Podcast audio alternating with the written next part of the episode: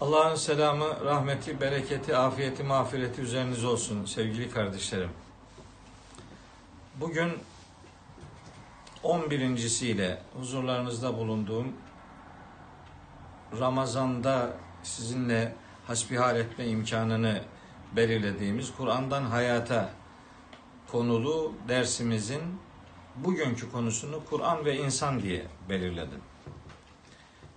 E, denebilir ki ilk 10 günde de zaten Kur'an ve insan konuşmadık. Bu tabi doğrudur öyle konuştuk ama böyle müstakil bir konu başlığı olsun ve Kur'an'ın yaşamakta olan insanlarla alakalı Cenab-ı Hakk'ın belirlediği bir takım prensipler bütünü olduğunu bir daha vurgulayalım. Amacım o, Kur'an insan başlığını Kur'an'ın insanla ilişkili olan hayatın her alanına dair ilkeler getirdiğini bir vesile bir daha hatırlatayım. Arzum oydu. Tabi bir tevafuk diyelim. Benim hayatta çok çok çok sevdiğim, değer verdiğim bir takım dostlarım var. Bunların bir kısmı benden küçük, bir kısmı benim yaşımda, bir kısmı benden çok büyük. E, onlardan birini ziyarete geldim bugün Adapazarı'na. Benim burada Hanefi Hamsoğlu diye bir e, amcam var. Çok baba gibi sevdiğim. Biraz rahatsız. E, ona hem geçmiş olsun diyelim hem de onun yanı başında Kur'an'dan e, İslam'a bir sunum yapalım arzusuyla.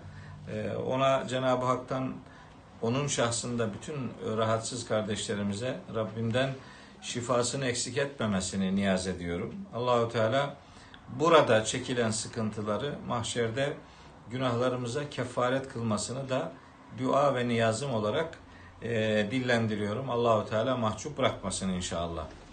Şimdi Kur'an ve insan başlığında ne diyeceğiz? Bir defa şunu söyleyeyim. İnsanoğluyla Kur'an ikiz kardeştir. Yani Allahu Teala insanın fıtratını o kadar güzel dizayn etmiş. Onu ana kartı diyebileceğimiz fıtratını ve vicdanını o kadar güzel planlamış, programlamış ki Kur'an'ında beyan ettiği hususiyetler her neyse onların hiçbir tanesinin insanın fıtratı ve vicdanıyla herhangi bir alıp veremeyeceği bir problem, bir zıtlık yaşamayacak şekilde bir plan, bir program düzene konulmuştur. Öyle büyük bir uyumdan söz ediyoruz. Bu e, nihayetinde üzerinde çok felsefe yapılmaya müsait bir durum değil. İnsanı yaratan kudret Allahu Teala'dır. İnsanın bu hayatta nasıl yaşayabileceğine dair onun muhtaç olduğu şeyleri bilen de Allahu Teala'dır.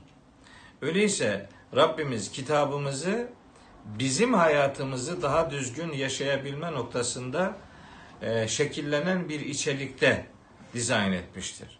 Kur'an'ın yapısı bunu getiriyor, bunu gerektiriyor. Şunu e, özellikle beyan edebilirim ve çok büyük bir rahatlıkla dile getirebilirim ki insanoğlunun hayatını hayat yapan, inancıyla alakalı, ibadeti ile alakalı, ahlakıyla alakalı, kendisiyle, diğer insanlarla, toplumla, ulusla, uluslararası ilişkilerle alakalı ne kadar neye muhtaç ise temel prensipler halinde Kur'an-ı Kerim onları öğretmiştir. Onları öğretmektedir. Bu bizim için Kur'an'a bir daha, bir daha, bir daha sarılmamız lazım geldiğini bize öğreten en önemli değerler arasında zikredilir. Öyle düşünülür. Yani nedir? Neye inanacağız? Bunlar Kur'an'da var. Neleri yapacağız? Bunlar da var. Hangi ahlaki değerlerle donanımlı olacağız? Bunlar da var. Başka insanlarla iletişimimiz nasıl olacak? Onlar da var. Başka uluslarla ilişkimiz nasıl olacak? Onlar da var. Sadece mesele insan üzerinden değil. Yani Kur'an-ı Kerim'de kainatla, evrenle alakalı bizim evrene nasıl bakış geliştirmek durumunda olduğumuzla alakalı da Kur'an-ı Kerim'de malumat var. Malumat dediğim bizi biz yapan, bizim için hayatımızı daha anlamlı kılacak olan e, değerler üzerinden bir mantık geliştirerek bunları söylüyorum. Mesela bir elektronik cihaz alırsınız elinize, evinize. Bunun paketini açtığınız zaman içerisinden böyle küçücük kitapçıklar çıkar. Bunlara kullanma kılavuzu derler. O kullanma kılavuzu aslında her dilde hazırlanmıştır ve amacı şudur. Bu cihaz nasıl çalıştırılır? Hangi kablosunu, hangi düğmesini, hangi enstrümanını nerede nasıl değerlendirmek, hangi bağlantıları nasıl şekillendirmek gerekiyorsa bunları tarif eder. Biz buna kullanma kılavuzu diyoruz. Siz o kullanma kılavuzuna bakmazsanız o aracın, o aletin, o cihazın nasıl çalıştırılacağını bilemezsiniz. Eğer bir yanlışlık yaparsanız cihazı da yakarsınız, elinizi de yakarsınız, evinizi de yakarsınız. Yani yanarsınız. O kullanma kılavuzu sizi daha doğru hareket etmeye sevk eden bir bilgilendirme unsurudur. Öyle kabul edilir. İşte o kullanma kılavuzunun bir cihaz için anlamı neyse onun üzerinden bir fikir geliştirerek bir hatırlatmada daha bulunayım. Ee, o kullanma kılavuzunu en iyi kim hazırlar? Onu satan mı? Onu kullanan mı? Yoksa o cihazı ilk defa icat eden mi? Yani o cihazı hazırlayan, onu cihaz haline getiren ustası, mühendisi kimse onu en iyi tanıtan ve onu en iyi tanıdığı için onunla alakalı da en doğru malumatı veren onu yapandır. İşte cihaz için durum buysa insan için de durum aynıdır. İnsanın hayatta neye ihtiyacı varsa onun ihtiyaç duyduğu şeyleri insanı yaratan Allah bilir. Öyleyse biz din adına, hayat adına, insan adına, İslam adına, Allah adına her neyi kabul edip her ne üzerinden bir fikir beyan edeceksek o fikirleri bize Rabbimizin öğretmiş olmasına dikkat etmek durumundayız. Buraya dikkat çekmek zorundayız. Kur'an ve insan ikiz kardeştir sözümü bu gerekçeyle söylüyorum. İkisinin de sahibi Allahu Teala'dır. İnsanı en iyi o tanır çünkü insanı o yaratmıştır. Onun bedenini bilir, onun ruhunu bilir, onun fıtratını bilir, onun vicdanını bilir, onun iradi dünyasını bilir, onun akli dünyasını bilir, onun ahlaken muhtaç olduğu şeyleri bilir. Öyleyse bir cihaz için kullanma kılavuzu neyse Kur'an için insan Kur'an ilişkisinde de vahyin yeri işte odur. O itibarla insanı insan yapan değerler Kur'an'ın anlattığı değerlerdir. Oradan bakacağız. Oradan kilometre taşlarını yakalamaya gayret edeceğiz. Böyle davranmazsak ne olur? Böyle davranmazsak dakikada bir başımızı taşlara vururuz. Pek çok hata yaparız. Bazı hatalar var ki tevbesi vardır. Ancak bazen hatalar öyle kanıksanır ki hata olduğunu bile kişi unutur. Bu hata değildir demeye başlar. İşte asıl yıkım o zaman söz konusu olur. O itibarla Kur'an'ın insanı muhatap alışını temel bir öğreti halinde benimsemek mecburiyetindeyiz. Kur'an-ı Kerim'de ya eyyühen nasu diye hitaplar var. Ey bütün insanlar. Yani ya eyyühellezine amenü hitabı var. Ey müminler. Mümin olduktan sonra onların nelere dikkat etmeleri lazım geldiğini onlara öğreten ayetlerdir. Ya eyyühellezine amenu diye başlayan ayetler. Ancak ya eyyühen nasu diye başlayan ayetler de var. Ey insanlar, ey bütün insanlık ailesi demektir. O itibarla ey insanlar hitabının Kur'an'ın sadece Müslümanların kitabı olmadığını, diğer bütün insanlara da bu kitabın ulaştırılması lazım geldiğini bir görev olarak Rabbimizin bize yüklediğini bilmek durumundayız. Biz şu hitabı ıskalayamayız. Bakın Kur'an-ı Kerim'de Allahu Teala buyuruyor ki Estağfirullah. Kul ya eyyühen nas. De ki ey bütün insanlar. İnni Resulullah ileyküm cemiyan. Ben sizin hepinize Allah'ın gönderdiği elçisiyim. Araf suresinin 158. ayeti. Ben bütün insanlığa gönderilmiş Allah'ın elçisiyim. O zaman peygamberimizin tebliğ etmek üzere görevlendirildiği bu ilahi kitabın, ilahi hitabın muhatabı bütün insanlardır. Bakın size bir ayet daha hatırlatayım. Ne güzel açtım hemen orası çıktı ilginç. Sebe suresinin 28. ayeti. Sebe 28. Buyuruyor ki Yüce Allah burada. Ve ma erselnake illa kâffeten linnâsi. Biz seni bütün bütün insanoğluna gönderdik.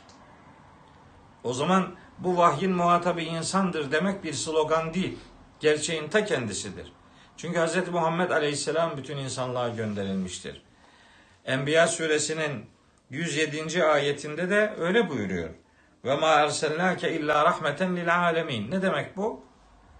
Biz seni ancak ve ancak alemlere merhametimizin gereği gönderdik. Allahu Teala'nın alemlere merhametinin göstergesi işte bu risalettir. İşte Kur'an'dır. Öyleyse bu kitabın mesajını bütün insanlara biz ulaştıracağız. Peygamberimiz Aleyhisselam 23 yıllık risalet hayatı boyunca ulaşabildiği herkese ulaştı. Ancak hitap, hedef kitle bütünüyle insanlık olduğu için o gün kimlere ne kadar una, una ulaşıldıysa geri kalanlara da ulaşılsın emri hepimizi bekliyor demektir. Bakın size harika bir ayet-i kerime daha hatırlatayım. En'am suresinin 19. ayeti. Orada diyor ki Allahu Teala Hazreti Peygamber üzerinden bize sesleniyor. Ve uhiye ileyye hadel Kur'an. Bu Kur'an bana vahyedildi. Niçin? Li unziraküm bihi ve men belaga.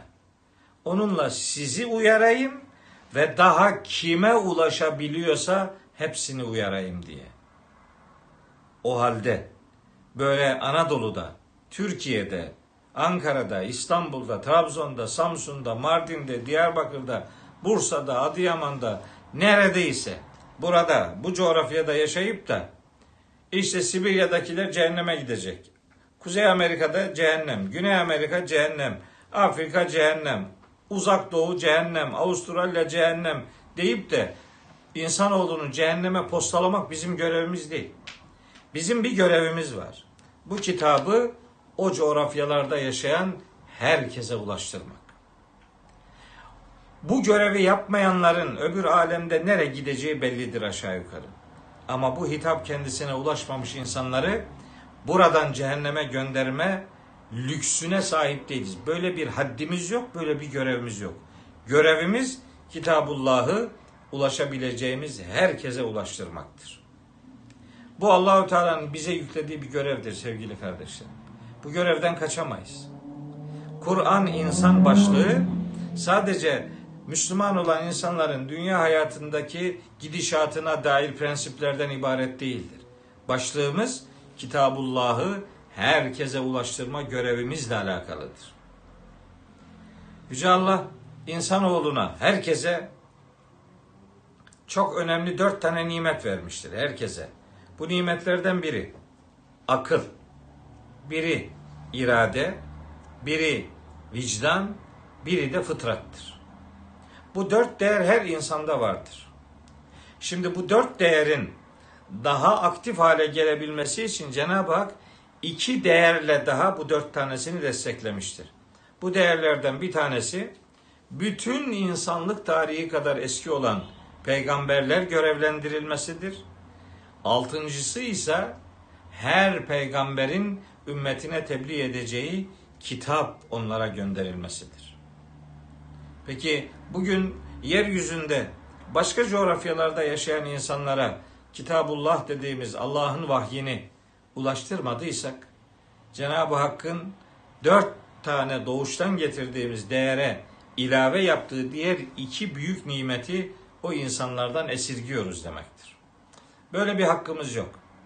İşte bu internet çağında, bu Ramazan ortamlarında, Ramazan içinde, Ramazan dışında, vahiy ile daha çok kardeşimizin buluşması noktasında hangi fedakarlık gerekiyorsa o fedakarlığı yapmayı canımıza minnet sayacağız.